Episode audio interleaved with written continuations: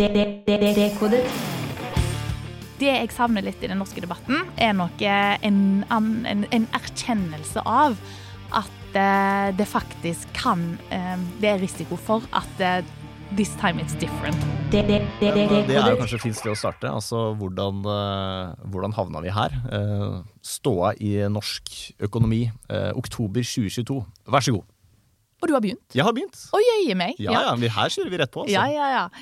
Nei, eh, det som har skjedd, er jo at eh, vår økonomi og alle andre sin økonomi rundt omkring i Vesten eh, opplever et kraftig eh, prissjokk, rett og slett. Og for å finne årsaken til det som har skjedd, så må vi egentlig tilbake til pandemien. Eh, der eh, ja, aktiviteten stoppa opp, særlig i tjenestesektoren. Og myndighetene sprøyta inn en god del støttepenger, og ikke minst i USA. Voldsomme overføringer, både altså i form av eh, tre runder med kontantoverføringer til amerikanske husholdninger, som løfta inntektene deres, i lag med veldig sjenerøse arbeidsledighetstrygder i USA. Så amerikansk økonomi fikk en kraftig pengeinnsprøyting. Eh, Og her i Europa, inkludert i Norge, så sørga pengeinnsprøytingene for at inntektene til husholdningene ikke falt. da. Men de var absolutt ikke like sjenerøse som i USA. Poenget mitt er at eh, denne etterspørselen som viste seg ganske raskt etter at det første sjokket hadde lagt seg, etter pandemien, eh, den da gikk kraftig etterspørselen etter varer, fysiske varer, kraftig opp. Fordi vi kunne jo ikke bruke penger på tjenester sånn som før. Vi kunne ikke reise, kulturaktiviteter, hoteller og restauranter osv. kunne vi ikke bruke penger på. Og da brukte vi uvanlig masse penger på varer. Og da ble det globale varehandelsmaskineriet fullstendig overbelasta. Det velta over verdikjedene globalt. Et, en voldsom etterspørsel, mye kraftigere enn normalt. Og det førte til at eh, det ble knapphet på ymse innsatsfaktorer. Eh, Prisene ble pressa opp. Og pri- prisene på frakt ble pressa opp. Og vi fikk en veldig sånn synkron oppgang i råvarepriser. Alt fra metaller og energi og matvarer og egentlig alt mulig. Trelast òg var jo kraftig opp en periode. og jeg tror vi må bare skylde på nettopp eh, den kraftige oppgangen i etterspørsel etter fysiske varer som skjedde i eh, pandemien, som årsaken til at eh, vi da i, eh, på høsten 2022 sitter med en pris, altså en konsumpris konsumpriser, som er usedvanlig mye høyere enn de var for ett år siden. Ja, ikke sant? Så Det starta jo før krigen i Ukraina, det her, ikke sant? men så kom jo krigen og ga prisøkningen ekstra dit også. Eh, Absolutt. Eh, 24. februar så kom Ukraina-invasjonen. Og det sendte jo prisene først og fremst på europeisk energi. eh, opp i taket. Og så har det vært litt sånn opp og ned etter det, fordi det var jo store usikkerhetsfaktorer knytta til om Russland kom til å fortsette å sende gass via rørledningene til Europa, eh, sånn som før, eller om de kom til å stoppe den tilførselen. Eventuelt om europeiske politikere ville sagt nei takk til den russiske gassen som en del av de økonomiske sanksjonene. Det som er viktig å huske er at gassmarkedet det er i mye mindre grad enn i oljemarkedet et globalt marked. Ja. Fordi du, hvis du skal sende gass, naturgass da, sånn som ikke er flytende, hvis du skal sende det fra et land til et annet, så må det skje via rørledninger. Og det tar du Det tar jo ikke akkurat eh, en dag å bygge sånne rørledninger. Så det er ikke sånn at Russland plutselig kan bestemme seg for at nei, nå, nå vil vi ikke sende gass til Europa, nå vil vi heller sende all denne gassen til Kina f.eks. Da må de faktisk bygge rørledningene. Det tar lang tid. Så hele usikkerhetsmomentet her i vår var jo at eh, Russland Vi visste jo at de trengte inntekter til krigskassen sin.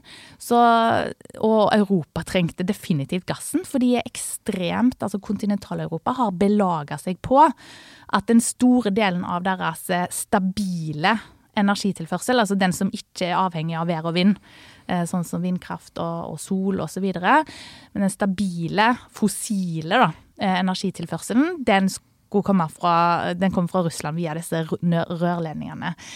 Og, så Europa var strengt avhengig av Russland for å få hjula til å gå rundt, og vi tenkte at Russland òg var veldig avhengig av Europa sine penger for denne gassen, for å nettopp holde krigen i gang. Men eh, nå i sommer så skjedde det jo noe. Da strupa Russland energitilførselen via disse kablene, eh, som går direkte til Europa, til Tyskland. Og, eh, og nå har det har åpna litt etter det, men så, men så ble det nå stoppa på ubestemt tid, da. Og så har vi jo nylig hatt noen to sabotasjer, mm. som ingen kan si med sikkerhet hva som skjedde der, men Nei. det er jo mange som peker på Russland, at det kan ja. være eh, sabotasjer av nettopp disse ledningene som går fra Russland til Europa. Mm. da, Nord Stream 1 og Nord Stream 2. Det skal sies at det gikk ikke noe gass der nå. Nei. Fra Russland til Europa. Via disse gassrørledningene. Som ble sabotert? Nei. Nei, det ble, gjorde ikke det. Men, eh, men, det er likevel sånn at det satt en støkk i markedene. Ja. Selvfølgelig, fordi en er jo f.eks. redd for at lignende ting kan skje på rørledninger som f.eks. går fra Norge til eh, Europa. da. Ja, ikke sant. Og nå er Heimevernet satt inn uh, ulike steder, og sikkerheten har økt rundt omkring. Ikke sant. Så det er, det er, jo dramatisk, uten tvil. Altså, Europa er jo allerede i ei energikrise, for de har rett og slett Akkurat nå har de nok energitilførsel, eh, eh, men eh, de har fått fylt opp lagrene sine òg for vinteren. men Lagrene kan jo bare bli Altså, de er ikke uendelig store, de lagrene heller. Poenget er at når vinteren kommer, så blir Eh, etterspørselen etter energi mangedobla. Så det er da det kommer til å vise seg at eh, det, mm. det rett og slett er knapphet. Ja. Sånn at det er, ikke, det er ikke sånn at alle som vil ha, kan få. Da blir jo prisene Det ligger jo an til at de kommer til å bli veldig høye eh, gjennom vinteren. Og um, en prøver jo å skjerme husholdningene så mye som mulig med diverse støtteordninger og pristak osv. Men det kan jo ikke bøte på det underliggende problemet at det ikke er nok eh, energi. Så det er mange bedrifter som nå stenger ned i Europa, som er, bruker veldig masse energi i sin mm. produksjon. Det er ikke lønnsomt å produsere med disse prisene. Og det kan lett nå eh, oppstå situasjoner der myndighetene rett og slett må beordre bedrifter til å stoppe produksjonen i visse deler av døgnet for å rasjonere ut energi. Ja, Det er såpass, ja. Det er såpass. Det er en veldig alvorlig situasjon vi har i Europa, og den kommer vi særlig til å merke i vinter. Um, at den um, at den kommer til å føre til det jeg tror kommer til å bli en skikkelig et økonomisk tilbakeslag blant våre handelspartnere uh, ja. i Europa. Og nå står vi i en situasjon der Norge eksporterer mer gass enn vi gjorde før krigen i Ukraina. Mm -hmm. og vi tjener jo grøft med penger på det, og det har vel fått litt kritikk fra bl.a. Tyskland og ja, flere EU-land også som reagerer på det, at vi håver inn penger på denne krigen. Da. Ja, det kan du si, men samtidig så har de vel aldri vært så glad for å ha hatt en stabil, eh, pålitelig leverandør da, eh, okay, av fossil eh, mm. energi, som de jo nå trenger så sårt. Det er ikke sånn at Norge kan på noe som helst måte tømme, dekke det gapet Nei. som bortfallet av russisk gass står for. Men hvis, hvis Norge òg skulle bli, bli vekke i, mm. i den miksen, så, så ville jo det vært veldig alvorlig for Europa. Så jeg tror først og fremst nå at Europa har eh, fått øynene opp for eh, at eh, i en overgang til eh, det fornybare, til nullutslippssamfunnet, mm. så gjør en seg veldig, veldig sårbar hvis en da eh, skrur av alle fossile kilder ja. eh, på likt og belager seg på upålitelige produsenter, sånn som Russland absolutt har vist seg å være. Mm. Eh, og det gir jo sånne kraftige prisutslag som vi ser nå. Det er jo det er jo klart at det er krigen i Ukraina som, og Putin sine krigshandlinger som er årsaken til det enorme oppgangen i gassprisene og, og, eh, og elprisene i Europa. Mm. Det er det jo ingen tvil om, men, men eh, det, det, hadde jo, blir jo forsterka av at vi ennå er på et liksom et, et, tidlig tidspunkt da, i det grønne skiftet, og at en da har ikke andre har på en måte ikke hatt så mange beredskapsplaner hvis noe sånt skulle skje. Og Hvor høy er egentlig inflasjonen i Norge i dag, i sånn oktober 2022? Eh, oktober vet vi ikke ennå, eh, men eh, vi vet det siste vi vet er august. Ja. Og der har vi en prisvekst som viser at eh, konsumprisene er 6,5% høyere enn de var i august i fjor. Ja. Og så skal vi huske det at eh, hadde det ikke vært for strømstøtten, som er veldig sjenerøs mot husholdningene i Norge, um, så ville prisveksten vært på 9% i august. Ja, ja. Så, og hadde vi, det hadde vært mer sånn som vi ser i Europa. Men nå er vi, ligger vi litt unna på prisveksten, litt lavere, og det bl.a. pga. denne eh, strømstøtten. Mm. Men her skiller man mellom inflasjon og kjerneinflasjon, ikke sant. Mm. Der kjerneinflasjon, da tar du ut eh, noen faktorer som altså kraftmarkedet, oljebransjen og sånn, er ute av miksen. Ja, det er sånn eh, sentralbankene, fordi det underliggende her er jo at det, sentralbankene er jo satt til å sørge for at vi har en stabil og låg prisvekst. Typisk på 2% over tid. Ikke sånn at inflasjon skal være på 2 på ethvert tidspunkt til hver tid, men det er det de skal sørge for at folk eh, tar sine beslutninger, bedrifter tar sine beslutninger. Eh, når, de tar, ser frem i framtida, så kan de være rimelig sikre på at prisveksten blir omtrent på rundt 2 eh, gjennomsnittlig. Og nå er det jo sånn at eller Vanligvis er det sånn at da pleier Norges Bank for eksempel, og andre sentralbanker rundt i verden pleier å ta vekk energipriser når de ser på hva det underliggende inflasjonspresset er. Fordi at det, det, det svinger jo mye med vær og vind, Mm. og det er jo òg en del av forklaringen til at det, Mm. at det har vært veldig strøm, eh, høye strømpriser rundt omkring. har jo vært òg at det har vært lite Mm. uh, i vannmagasinene osv. Så, videre. så det er sånne ting som sentralbanken gjerne tar, skyver litt ut av bildet, og så ser de på ok, men hvordan er prisveksten på resten, da. Mm. Og, men òg på denne resten-komponenten. Det er slettes ikke bare strømprisene som gjør at eh, prisveksten er veldig høy i Norge Nei, nå. så selv kjerneinflasjonen er høy. Den er veldig høy.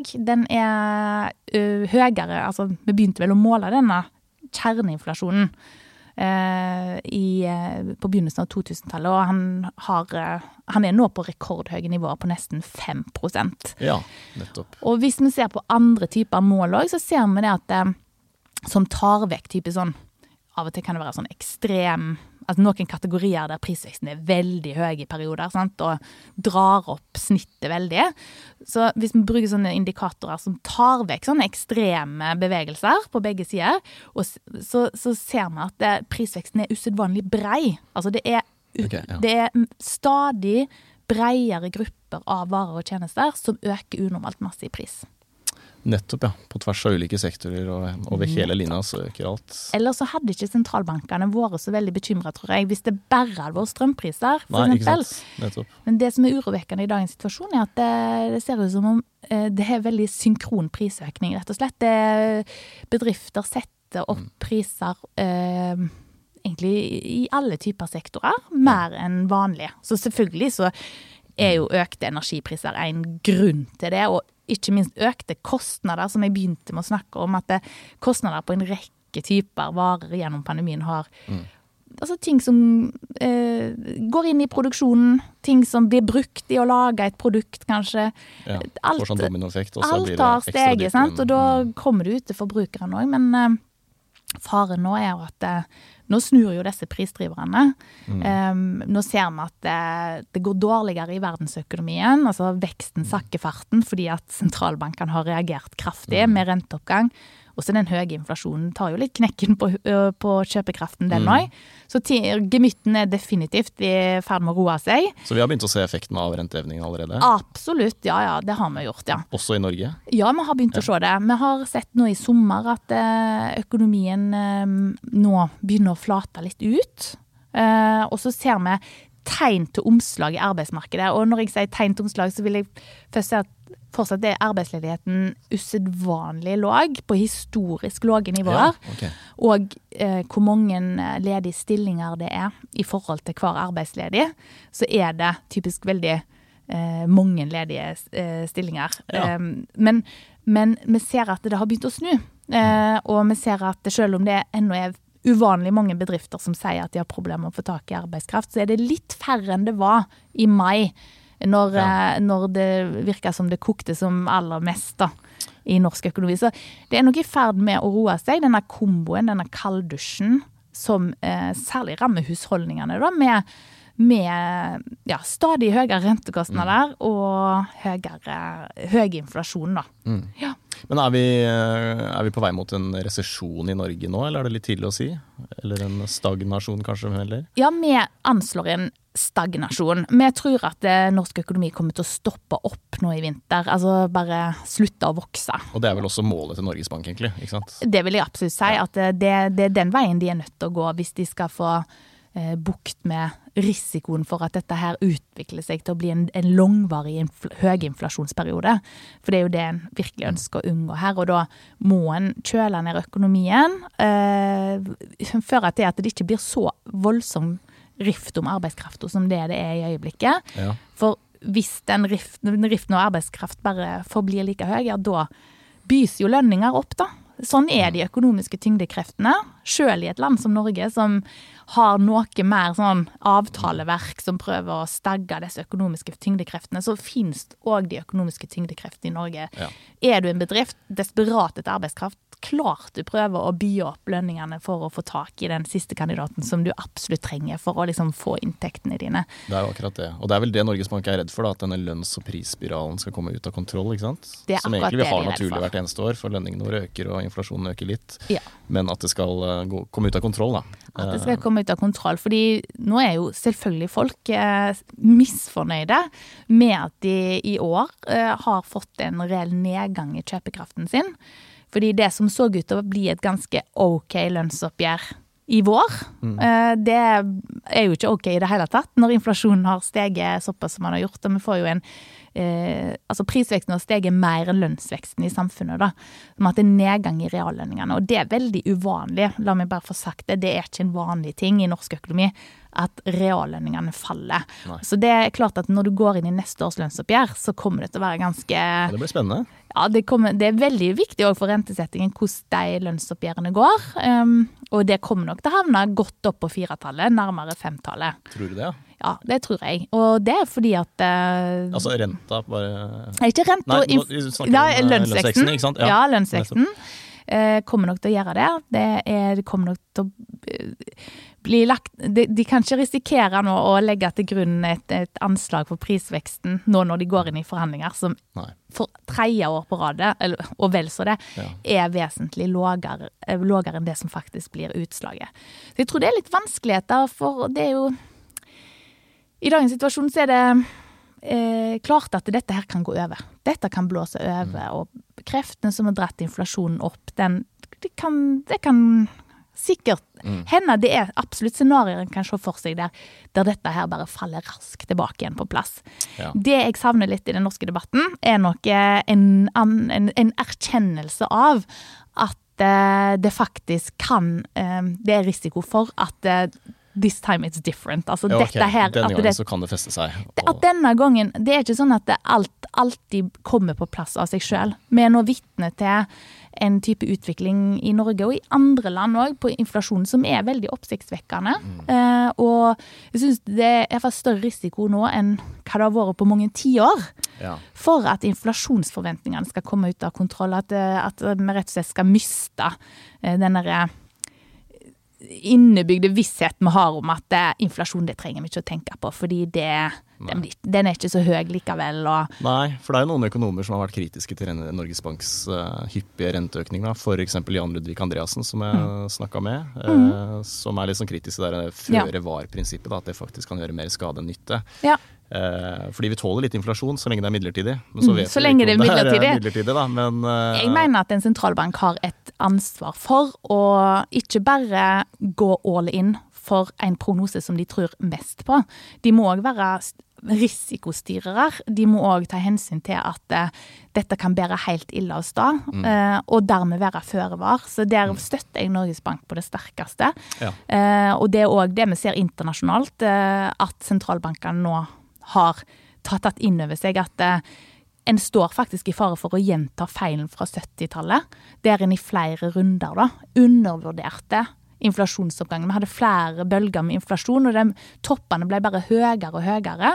Og til slutt så endte det med opp med en periode der du hadde en, måtte opp noe så salig på rentenivået for å få tatt knekken på Ja. udyret, da, som inflasjon etter hvert ble. Tosifra inflasjon, men enda høyere renter ble det til slutt. Det er jo ikke en situasjon vi ønsker å havne i noen av oss. Det ble jo et alvorlig økonomisk nedtur eh, når det fant sted. da. Men er det, er, det, er det riktig medisin å øke renta såpass, eh, når det er så mange ulike faktorer som vi ikke rår over? da? Vi snakker om sånn energikrise og Mm. krig i Europa. Så hjelper det at uh, hvermannsen får så dårlig kjøpekraft? For uh, altså, visse Mm. varer må man jo bare ha, liksom. Uh, det er jo et motargument jeg har hørt, i hvert fall. Da, Ja. At, Ja, eh, ja, ja. Varme opp huset, og vi må kjøpe mat, liksom, fortsatt. Ja, og, og du la kanskje merke til at jeg, jeg starta med når vi snakket om pandemien, eh, når jeg eh, beskrev de drivkreftene som utvikla seg gjennom pandemien. At jeg mener at det er ikke et tilbudssidefenomen. Det er ikke sånn at mm. tilbudssida kollapsa, og derfor fikk vi høye priser på det ene og med det andre. Nei, jeg mener at hovedårsaken til at uh, prisene steg så kraftig under pandemien, var et etterspørselsboom. Ja. Eh, og denne voldsomme pengeinnsprøytingen, mm. særlig i Amerika, da, eh, som skjedde. Eh, og det mener jeg det betaler vi prisen av nå. Det er derfor ja. prisveksten er så høy som det er nå. Så jeg mener at det er ikke et tilbudssidesjokk.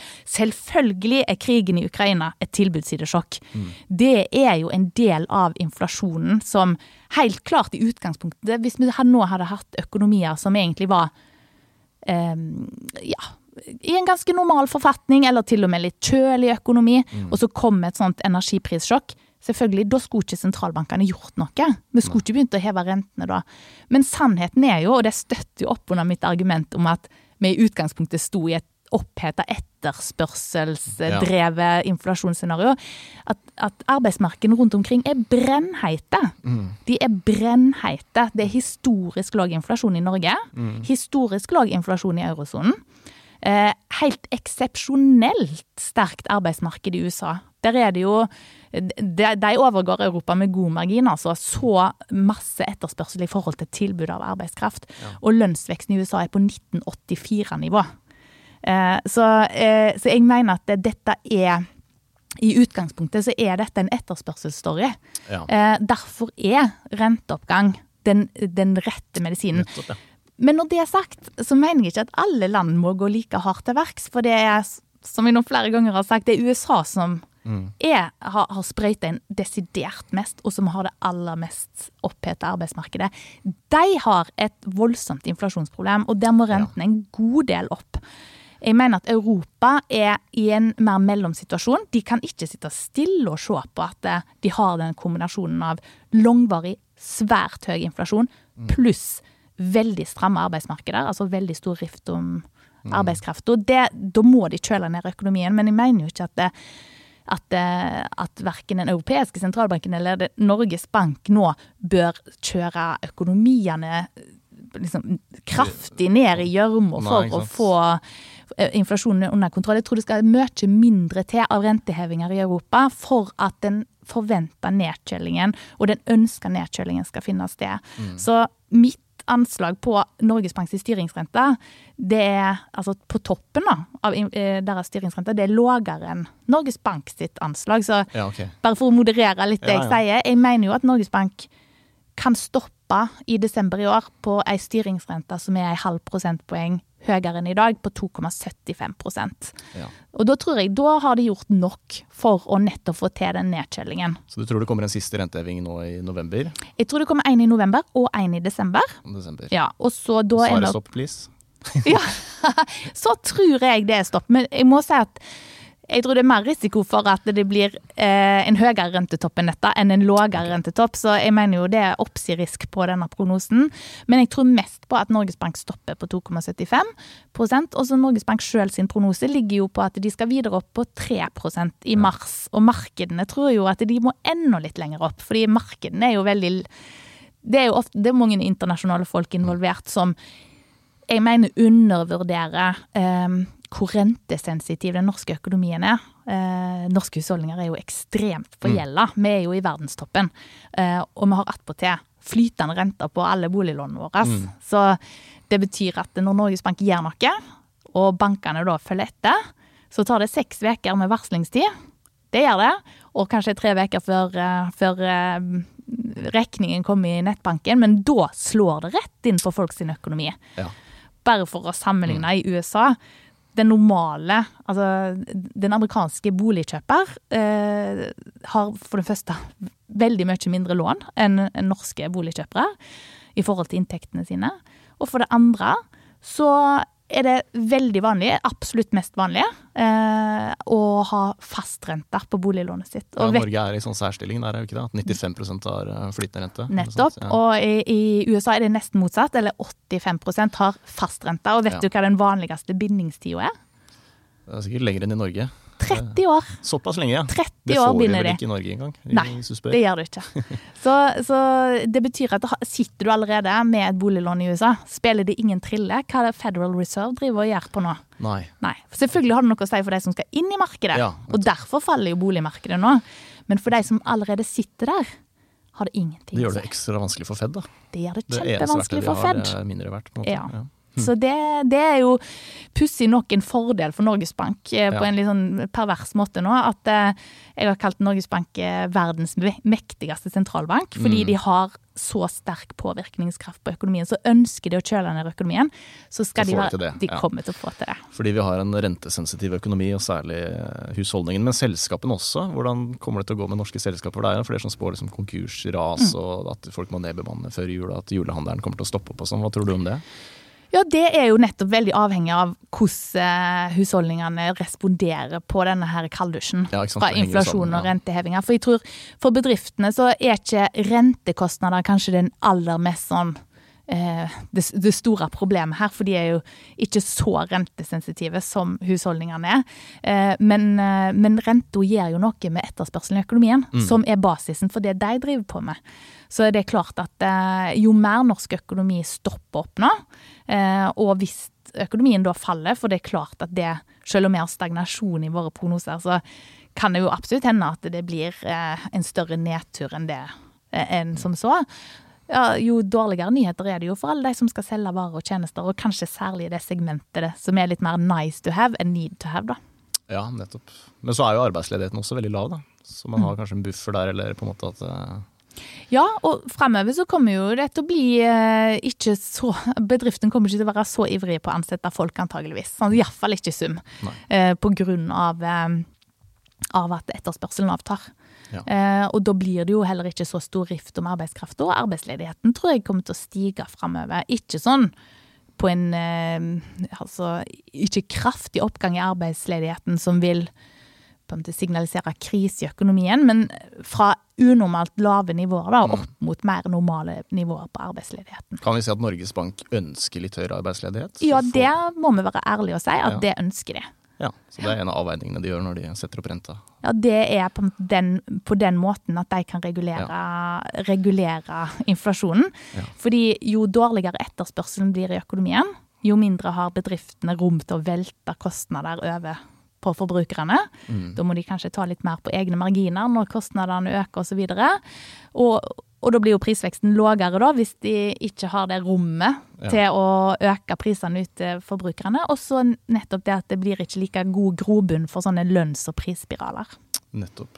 Nei, men Dette var interessant. Så det her starta med en sånn korttenkt sentralbank i USA som bare pøste inn penger, og renta var lav og folk hadde altfor mye å rutte med. Og så økte etterspørselen, og så sitter vi her nå. Det kan du si, men jeg vil faktisk si at hovedskurken her ikke er sentralbanken, selv om de jammen har eh, spilt sin rolle, de òg. Altså, sentralbankene har jo vært lempelige i sin politikk, ikke bare gjennom pandemien, men definitivt òg gjennom pandemien. De har egentlig eh, operert litt i tospann i USA. eh, For jeg vil si hovedskurken her er finanspolitikken. Ja. eh, Som da, da kjørte på med så storstilte støttepakker. Og én ting er nå den som kom i mars 2020, mars-april 2020, når det så som mørkest ut. Men de hadde jo flere runder. Sant? De hadde det òg mot årsskiftet 2020-2021. Og det verste var jo at det kom en i forbindelse med at Biden vant da, eh, og hadde lova en økonomisk krisepakke. Det kom jo en òg på vårparten i 2021. Ja. Og det var jo veldig dårlig timing. En, altså, da var jo den amerikanske økonomien godt på vei opp eh, av startgruppa igjen. Og, og, og det var jo tegn på at ting stramma seg til. Og så pøser en altså inn enda mer penger i over økonomien. Så antall dollar som sirkulerer i den amerikanske økonomien, har økt på en, i en sånn takt som vi aldri har sett tidligere, heller ikke på 70-tallet, i amerikansk økonomi. Og det er resultatet av en voldsom pengebruk i finanspolitikken. Og hvem var det som sto og For dette var jo underskuddsfinansiert, altså det var jo ikke penger eh, den amerikanske staten hadde på lager. Det var jo gjeldsfinansiert. Ja. Hvem var det som da eh, kjøpte denne gjelda, altså som var långivere til den amerikanske staten? Jo, det handler om pengepolitikken. For der satt eh, Federal Reserve, den amerikanske sentralbanken, og kjøpte statsobligasjoner Ja. som aldri før. Så det er et fint samspill mellom finans- og pengepolitikk som har ført oss der vi er i dag. Så lærdommen må jo være, for all framtid, at det er eh, Vi har fått demonstrert at det er ikke bare å kaste penger på et problem. Eh, fordi hvis du tilfører masse penger, og tilbudssida ikke klarer å holde tritt til slutt, så er det kun én ting som skjer, og det er at priser blir bydd opp. Ja. Og man så det jo på kryptokursene og uh, NFT-kursene som bare steig helt til himmels, liksom. Folk hadde plutselig masse penger å spekulere i som de ikke hadde tidligere. Veldig masse Da var penger. det noen røde lamper som burde ha lyst, kanskje. Mm, det er veldig masse opphopa sparepenger rundt omkring, og ikke minst i USA. da. Nettopp. Ja. Litt om boligmarkedet, kanskje. For jeg kom over en eh, rapport på NRK eh, fra Samfunnsøkonomisk analyse, som da viser at eh, boligprisene i landet vil synke betraktelig i årene som kommer. Så det lurer på om det var 10% på landsbasis, nei 8 på landsbasis og 10 i Oslo, var vel prognosen, i 2023. Nå snur det. Ja, jeg er helt enig i at nå snur det. Eh, Det tror jeg, jeg tror egentlig har boligmarkedet i Oslo, Oslo og Norge vært usedvanlig robust gjennom egentlig helt fram til august måned. Eh, veldig sånn Særlig på starten av året, da. Sterk prisvekst. Eh, til tross for at vi har hatt alle disse her eh, økninger i levekostnader, og etter hvert òg økninger i har jo, Renta har jo gått jevnt og trutt opp, selv om eh, nivået på renta steig i mye større skritt da fra, fra juni av. Eh, Så det siger jo nå innover boligmarkedet. Sant? Nå har vi hatt tre hevinger av et halvt prosentpoeng i juni, i august og i september. Og som jeg nevnte i stad, så er det jo et litt sånn tidsetterslep hvor fort dette her kommer inn i faktisk i nettbanken og trekker pengene ut på konto. Men dette, dette merkes jo i stadig større grad, og nyhetsbildet er dystert. Energikrise og verre ting enn som så, sant? Som, som preger bildet. Jeg tror eh, og aksjemarkedene faller. Eh, Det er stor turbulens i i finansmarkedene generelt, iallfall i rentemarkedene. Så jeg tror, eh, jeg tror absolutt nå at eh, vi må forvente at det omslaget er i ferd med å komme. Eh, Nå er det Har vi ikke fått statistikk som tyder så kraftig på det ennå, men jeg tror statistikken som kommer fremover, vil peke i den retning. Og så er spørsmålet hvor stor blir da nedgangen i boligpriser? Og det er jo ekstremt eh, vanskelig å si, fordi alle prognoser er usikre. Det er jo samfunnsvitenskap vi holder på med, og slettes ikke naturvitenskap. Men, eh, men eh, jeg tror eh, eh, boligmarkedet er jo en av, kanskje en av de vanskeligste. For hvis du får noe sentimentskift, eller at en sånn, enten en eufori brer seg, eller en sånn voldsom svartsyn brer seg, så kan det jo gå veldig kraftig både på opp- og på nedturer. Men uh, vi anslår jo det at boligprisnedgangen blir relativt beskjeden, da. Eh, Det blir minus, men vi har ikke like kraftig nedgang i boligprisene som det som ble uh, anslått av Samfunnsøkonomisk analyse. Eh, selv om jeg syns ikke det var en eh, urealistisk prognose på noe som helst måte, men vi tror ikke det blir like stor nedgang. Og Riktig. årsaken til det handler om tilbudssida. Fordi helt klart på etterspørselssida så vil ting nå snu. sant? Rente, ikke minst, renteutgiftene stiger kraftig. Og så vil òg arbeidsledigheten etter hvert begynne å stige. Men fra veldig lave nivåer, men dog så er det jo noe som er negativt for eh, kjøpeviljen, da, for etterspørselen. Men så er det òg sånn at tilbudssida nå eh, har jo vært stram, og særlig i østlandsområdet, og særlig i Oslo, lenge. Altså det har vært eh, for lite boliger til salgs i forhold til det som folk ønsker å kjøpe. Iallfall i de områdene som folk mest øh, ønsker å kjøpe. Eh, og så har eh, prosjekter òg nå i det siste stoppa opp. Eh, blitt satt på vent, eller faktisk da avlyst. Og det har igjen med denne kostnadsutviklingen vi snakker om, som vi egentlig snakket om litt tidligere her, at det, eh, det er så usikkert kostnadsbilde nå at eh, produsentene rett og slett ikke ser at det er forsvarlig å, å, å sette i gang med prosjekter som tross alt har en viss Ja, forsinkelse i seg.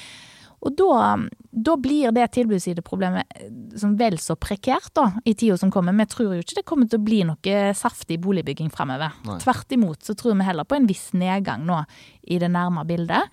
Eh, og det tror vi da vil bidra til å begrense fallet i Ja. boligmarkedet. Hadde det vært mer objekter ute, eh, mer objekter som kom ut i markedet, så, eh, så hadde vi jo hatt et annet syn på det. Da hadde vi tenkt at eh, renteøkningene virkelig kom til å slå og, og drive prisene ned, da. Ja, Det var derfor jeg syntes det var litt rart at de spådde 10% nedgang i Oslo, når det, tilbudssiden er såpass svak. da.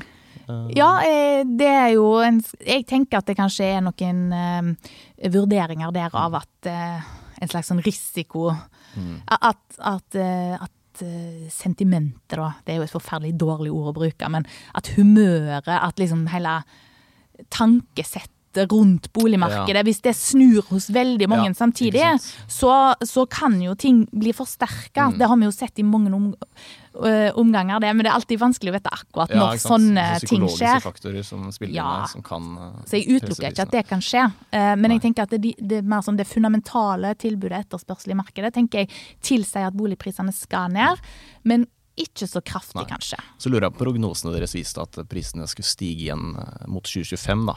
Ja. Da er jo såpass mange år til at det er vanskelig å vurdere. Ja. Men ja. Ikke sant. Neida, men jeg syns jo egentlig i bunn og grunn ikke nødvendigvis det der er en så uh, dramatisk prognose. Vi må huske at det boligprisene har steget fryktelig Ja, mye det gjennom pandemien òg, så det er noe med å komme tilbake igjen kanskje til Ja. det nivået som var uh, under pandemien. Eh, før pandemien, Ja. eh, som skjøv eh, prisene så kraftig opp. da. Prisen på en ettroms på Grünerløkka er jo pervers, ikke sant. Så det Ikke er jo sant. liksom naturlig at på et Ja. annet tidspunkt, så ja. Men det som er, bare for å ha sagt det, da, når, det gjelder Oslo-området, så er det jo, um, som jeg sa, det er et problem på tilbudssida der. At det er, det er knapt. Uh, det er knapt med enheter i forhold til etterspørsel, iallfall i noen segmenter eh, av det folk vil ha. Uh, men, men den andre tingen som tar litt disfavør av Oslo sitt eiendomsprismarked, da, eh, er jo at eh, det er Oslo-folk, og egentlig folk i de store byene, eh, som har mest lån. Ja. Så renteeffekten er størst i de store byene. Det er det ingen tvil om. Det er der en låner ja. mest i forhold til inntekt osv. Oslofolk er rentesensitive. Meg De er det. inkludert. Ja. Ja. Eh, nei, men Så bra. Eh, oppsummere ståa i norsk økonomi. da. Arbeidsledigheten er fortsatt lav. Mm. Den, eh, den skal nok litt opp. Eh, ja, inflasjonen, den, eh, eller styringsrenta, den eh, spår du skal eh, litt opp før den stopper, på 2,75 mm prosent. Og kommer til å holde seg der sikkert gjennom vinteren, kanskje.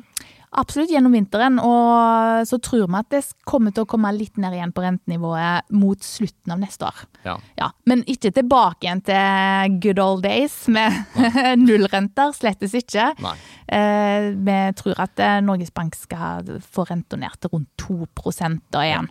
Eh, sakte, men sikkert. Men de vil passe seg for å ikke være for raskt ute med den rentenedgangen. fordi så de ikke ødelegger på en måte effekten av det de da allerede Ja. måtte få til med den innstrammingen. Da. Og det er ikke renteøkningen som går eh, nødvendigvis så hardt utover norske selskaper, det er jo da eh, etterspørselen som går ned. Det er det. Så det er jo veldig eh, viktig for bedriftene nå hvor, hvor hard denne responsen blir hos, mm. særlig hos husholdningene nå, da, som, som selvfølgelig kommer til å være mer påholdne med pengebruken sin. Men når det er sagt, så har de òg eh, mye oppsparte eh, penger. Husholdningssektoren i sum har det, i alle fall. Ja. Mye oppsparte midler etter pandemien. Eh, så de har muligheten til å eh, dyppe litt inn i den og holde forbruket sitt oppe, hvis de ønsker det. Så det blir jo et av de store spørsmålene. Er de villige til det? Ønsker de faktisk å, å, å liksom tære på sparinga si for å holde forbruket av alt som er kjekt å gjøre og kjekt å ha Ja. fremover? Eller vil de vise seg fra en mer sånn eh, sparsommelig side fremover? Jeg holder nok en knapp på det sistnevnte, men eh, Ja. det gjenstår å se. Ja, Er det noen indikasjoner på det allerede? Bruker vi penger, eller sparer vi? Eller er det litt tidlig å si, som du sier? Det er litt tidlig å si, vi klarer ikke å følge det i realtid. eh, Men vi ser at eh, detaljhandelen, eksempel, varehandelen, der er det fall. Men, det, men den har òg vært usedvanlig høy. Altså, det, det skulle bare mangle at den begynte å normalisere seg etter å ha vært helt uvanlig høy. Da. Så det er litt vanskelig å tolke de tallene. Men eh, vi ser på forbrukstall generelt. Vi, I den grad vi kan stole på dem sånn måned til måned, så ser vi at det er tegn til svakhet nå, ja. At tjenester, forbruk av tjenester òg er svakere. Og det må vi jo forvente at kommer til å fortsette nå, tror jeg, da, med denne kalddusjen som treffer. Ja. Nei, men eh, Selv om det er dyrt, så er vi jo godt stilt her i Norge. Eh, men det er kanskje litt verre andre, i andre land. I Europa og USA. Kan vi ta litt sånn overordnet om verdensøkonomien og økonomien i Europa så til slutt? Hvordan eh, står Ja. det til? Altså, det kommer jo til å bli verst nå fremover for kontinental-Europa og Storbritannia. Altså de som virkelig sliter med energiknapphet. Vi har jo ikke energiknapphet i Norge. Det er jo ikke det at vi har problemer med at man får lite kraft. Men prisene våre blir jo påvirka pga. Eh, at vi er tilkobla det europeiske systemet. Sant? Så vi har høye strømpriser, eh, sånn som Europa. Ikke like høye som Europa, la meg igjen påpeke det. Vi syns vi har knallhøye strømpriser, men det er mye høyere ute på kontinentet. Um, så vi får jo en slags sånn eh, Altså, det blir en Jeg tror det er vanskelig for meg å se for meg at det skal bli noe annet enn markert nedtur i, i Europa, da. Eh, Men at Norge da slipper billigere unna, både fordi vi har denne eh, vi ikke har den samme knappheten eh, vi har eh, på energi, da. Og vi har òg en veldig sjenerøs strømstøtteordning for husholdningene, som demper den eh, effekten ut husholdningene. I USA så har de ikke dette gassproblemet. Eh, sant? Altså de, de har jo sitt eget gassmarked, de produserer sin egen gass. Det, Ok, ja. De, de syns at gassprisene er høye i USA òg, men det er jo ingenting i forhold til, eh, forhold til i Europa. Så der handler det jo egentlig om eh, Fed og hva slags nedkjøling de klarer å få til. Da. Og som vi har snakket om, det er ikke, Mm. Det er ikke så, så åpenbart. Det er ikke så folk lett. har fastrente med 30 års løpetid. Nei, så jeg tror nok renta skal gå en god del videre opp der. Og da tror jeg òg at eh, USA sin økonomi den går Veksten avtar jo litt, men, men amerikansk økonomi går jo bedre enn i Europa nå. Ja, okay. eh, og, men jeg tror nok at eh, neste år så er det duka for en, i hvert fall en mild resesjon, og Ja. et økonomisk tilbakeslag i USA. For da Ja. at Fed endelig får på en måte den effekten som de egentlig er ute etter. da. Men hvor stor påvirkning har egentlig amerikansk økonomi på norsk økonomi? da? For alt henger jo sammen her. på en måte. Men alt henger sammen. Jeg tror kanskje den mest tydelige effekten nå av når USA når farten i etterspørselstakten da, demper seg i amerikansk økonomi, så er kanskje den viktigste effekten eh, de, eh, det som det betyr for nettopp de flaskehalsene som oppsto under pandemien. Sånn, som var disse overbelasta verdikjedene som pressa, førte til at priser ble pressa opp, og det var knapphet i alle ledd når ting roer seg, når gemyttene roer seg i USA, så vil jo òg det bidra til at det, disse globale flaskehalsene løsner raskere opp. Og da blir prispresset for oss her hjemme òg lavere. Så Ja, det tror jeg kanskje er den viktigste effekten. Vi handler ikke i Norge så veldig mye direkte med USA. Nei. Jeg skal ikke si at USA er helt uviktig, for det er det ikke. Fordi USA er veldig viktig drivkraft for etterspørselen til Europa som er vår viktigste handelspartner. Så det er jo klart at Hvis USA går på trynet, så er det veldig dårlig nytt for f.eks. Tyskland. Mm. Og hvis Tyskland da går veldig dårlig, så er det dårlig Ja, for... nytt for oss. For vi handler mye med Tyskland og andre europeere. Eh, Så, så det er jo USA er klart viktig, og ikke minst for finansmarkedene. Det er jo grunnen til at det rusker så fælt på finansmarkedene, er jo mye USA-relatert. Ja. Og hva som skjer med pengepolitikken der, og den kraftige oppgangen i renten og osv. Så videre. så som igjen er kjempeviktig for kronekursen ja, vår. sant? Det er intrikat, altså verdensøkonomien. Får sånne dominoeffekter. Ja, så ja, ja, ja. sted, og så Definitivt. Så USA er viktig for oss, men kanskje ikke på den måten vi tenker at det, hvis USA slutter å forbruke, så får norske bedrifter problemer. Men det er kanskje mer via indirekte Ja. effekter via finansmarkedene. Trøblete finansmarkeder, Mm. ei krone som svekker seg dramatisk i ruskete børstider. Mm. Og denne indirekte effekten via Europa, da. Ja. Ja.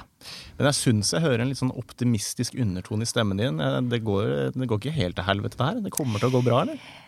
Altså, eh, kanskje det er litt i min natur. Eh, ja, jeg vet det ikke. det. Er liksom ting har jo en tendens til å på en måte eh, muddle through, som, er, eh, som har vært et begrep som har vært mye Det har skjedd mye rusk eh, i mange tiår nå, egentlig helt siden finanskrisen. sant? Og det har jo på et vis ordna seg. Jeg tror at, eh, at det men, men, men vi må ikke lukke øynene for at dette har økonomiske kostnader. Denne opprydningsjobben som jeg oppfatter at sentralbankene nå er eh, i gang med å gjøre, det har kostnader i form av økt arbeidsledighet. Så det, det må vi ikke lukke øynene for. Men jeg tror at eh, norsk økonomi relativt sett, da, igjen Det begynner jo å bli en gammel, god sogn, dette her, med at eh, norsk økonomi klarer seg relativt sett bedre, tross alt, da, Mm. enn veldig mange andre land. Og denne gangen har det kanskje mest med å gjøre at vi nettopp er, har masse energi eh, på lager sjøl. Altså, vi, vi, vi sliter ikke med direkte knapphet på, Mm. eh, på strøm, kraft, her i Norge. Men prisene blir høye, det er det, det, er det jo ingen tvil om. Men og at vi har solide statsfinanser, samtidig som det er veldig avgjørende nå at politikerne faktisk, for å ikke gjøre jobben til Norges Bank enda vanskeligere, så må de jo faktisk holde igjen. Ja. Så det er en litt forskjell mellom nå og Ja, finanskrisen. for da kom jo òg Norge veldig godt ut av det i forhold til andre land. Da var det en del av den forklaringen var at vi brukte salig masse penger over statsbudsjettet. Og liksom kom en skikkelig finanspolitisk stimulans Ja. som dempa den nedturen. Det var én viktig årsak til at vi falt mindre enn andre land. Den mekanismen kan ikke spille seg ut nå. Nei. Fordi da får Norges Bank et eh, større problem og må heve renta mer. Nettopp. Så nå er vi på sperrebluss. Vi må det. Ja. Men av andre grunner enn kanskje det vi har vært vant med. Nå er det ikke kun hensynet til langsiktig bærekraft i statsfinansene osv., som vi økonomer babler om hvert år, som er veldig viktig. Ja. Men nå har det mye mer sånn her og nå Ja, på... dempe på inflasjon, hjelpe ja. Norges Bank. Mm. Hva er noen sånne worst case scenarioer her, da? Eh, Hvis jeg mistolket den optimismen i stemmen din.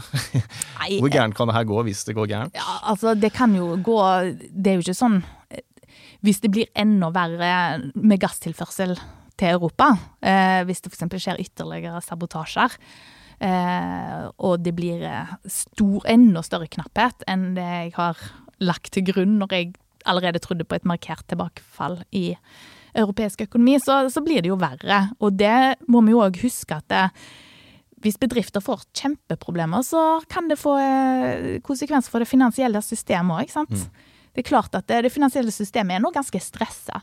Fordi at eh, nå går en fra flere tiår med sentralbanker som har hevet penger etter markedet, nærmest. Altså pumpa de fulle av likviditet, holdt rentene ultra, ultra lave. Um, og med, særlig med den amerikanske sentralbanken i spissen der, sant, som er veldig toneangivende for verdens finansmarkeder. Og nå sier sentralbankene med Fed i spissen at nå er det slutt. Mm. Eh, Det er ikke noe mer eh, Det er ikke noe mer sånn Nå har de ikke akkurat sagt at eh, de er, de er til for å stimulere finansmarkedene, men det, de har iallfall opptrådt sånn tidligere at de har reagert veldig med å snu om på politikken sin hvis finansmarkedene har vært ruskete. Nå sier de at det, det kan vi ikke ta hensyn til. Og det betyr at eh, det er jo mer finansiell det er mer stress i det finansielle systemet nå når sentralbankene trekker tilbake all denne likviditeten sin. Og da, eh, selvfølgelig, vi, vi skal aldri utelukke at det kan utvikle seg finanskrise osv. Og, så og det er jo selvfølgelig dårlig nytt for alle, for det sprer seg over landegrenser. Og det blir typisk etterfulgt av en periode med, med en lang periode med dårlig vekst. Da. Mm. Og mm, ja. Men kanskje dette er litt sunt på en måte? At folk får en liten sånn reality check, da. Vi som har liksom, de siste 20 årene Ja. Mm. så har renta bare falt og aksjekursen har økt. Og liksom, det er bare økt velstand, økt velstand, økt velstand. Ja, jeg tror det er, en, jeg tror det er som du sier, en reality check. At med, med, med rett og slett at den æraen vi har hatt, da, med ekstremt lave renter, Mm. eh, og en, til stor grad gjeldsfinansiert høy vekst, Mm. eh, at den er i ferd med å gli forbi, og at vi nå er i en, i, kanskje på veien inn i æra med høyere rentenivå eh, og, og høyere inflasjon, f.eks. At sentralbankene òg i framtida, om ikke akkurat de må kjempe for å få bukt med 9% inflasjon, så kanskje det, at de må at inflasjonen legger seg iallfall høyere enn 2 da, sånn at de hele tida er nødt til å holde rentene litt høye. Ja. tror jeg absolutt vi er nødt til å innse. Da. Um, og erkjenne at det kan være der vi er på vei nå. Jeg tror at det er en eh, Ny virkelighet. en ny virkelighet, og da må vi bli vant med det. At Ja. eh, det blir dyrere å ha lån enn en før. Og det må jo ha konsekvenser, Mm. åpenbart, for måten vi lever på. Ja. Nei, men Så bra. Dette her var superlærerikt. Eh, jeg har lært masse. Kjekt Og jeg syns du er veldig flink til å forklare komplekse ting på en sånn litt fattelig måte, så jeg skjønner det. Ja. Veldig bra. Takk. Eh, Kjersti Haugland, sjeføkonom i DNB. Du er sikkert på noen sosiale medier og sånn også, er du ikke det? Twitter og Jeg er på Du Twitter. fins der ute. Ja da, det er jeg. Veldig bra. Nei, men Tusen takk for praten. Takk. Denne podkasten er produsert av Tid og lyst.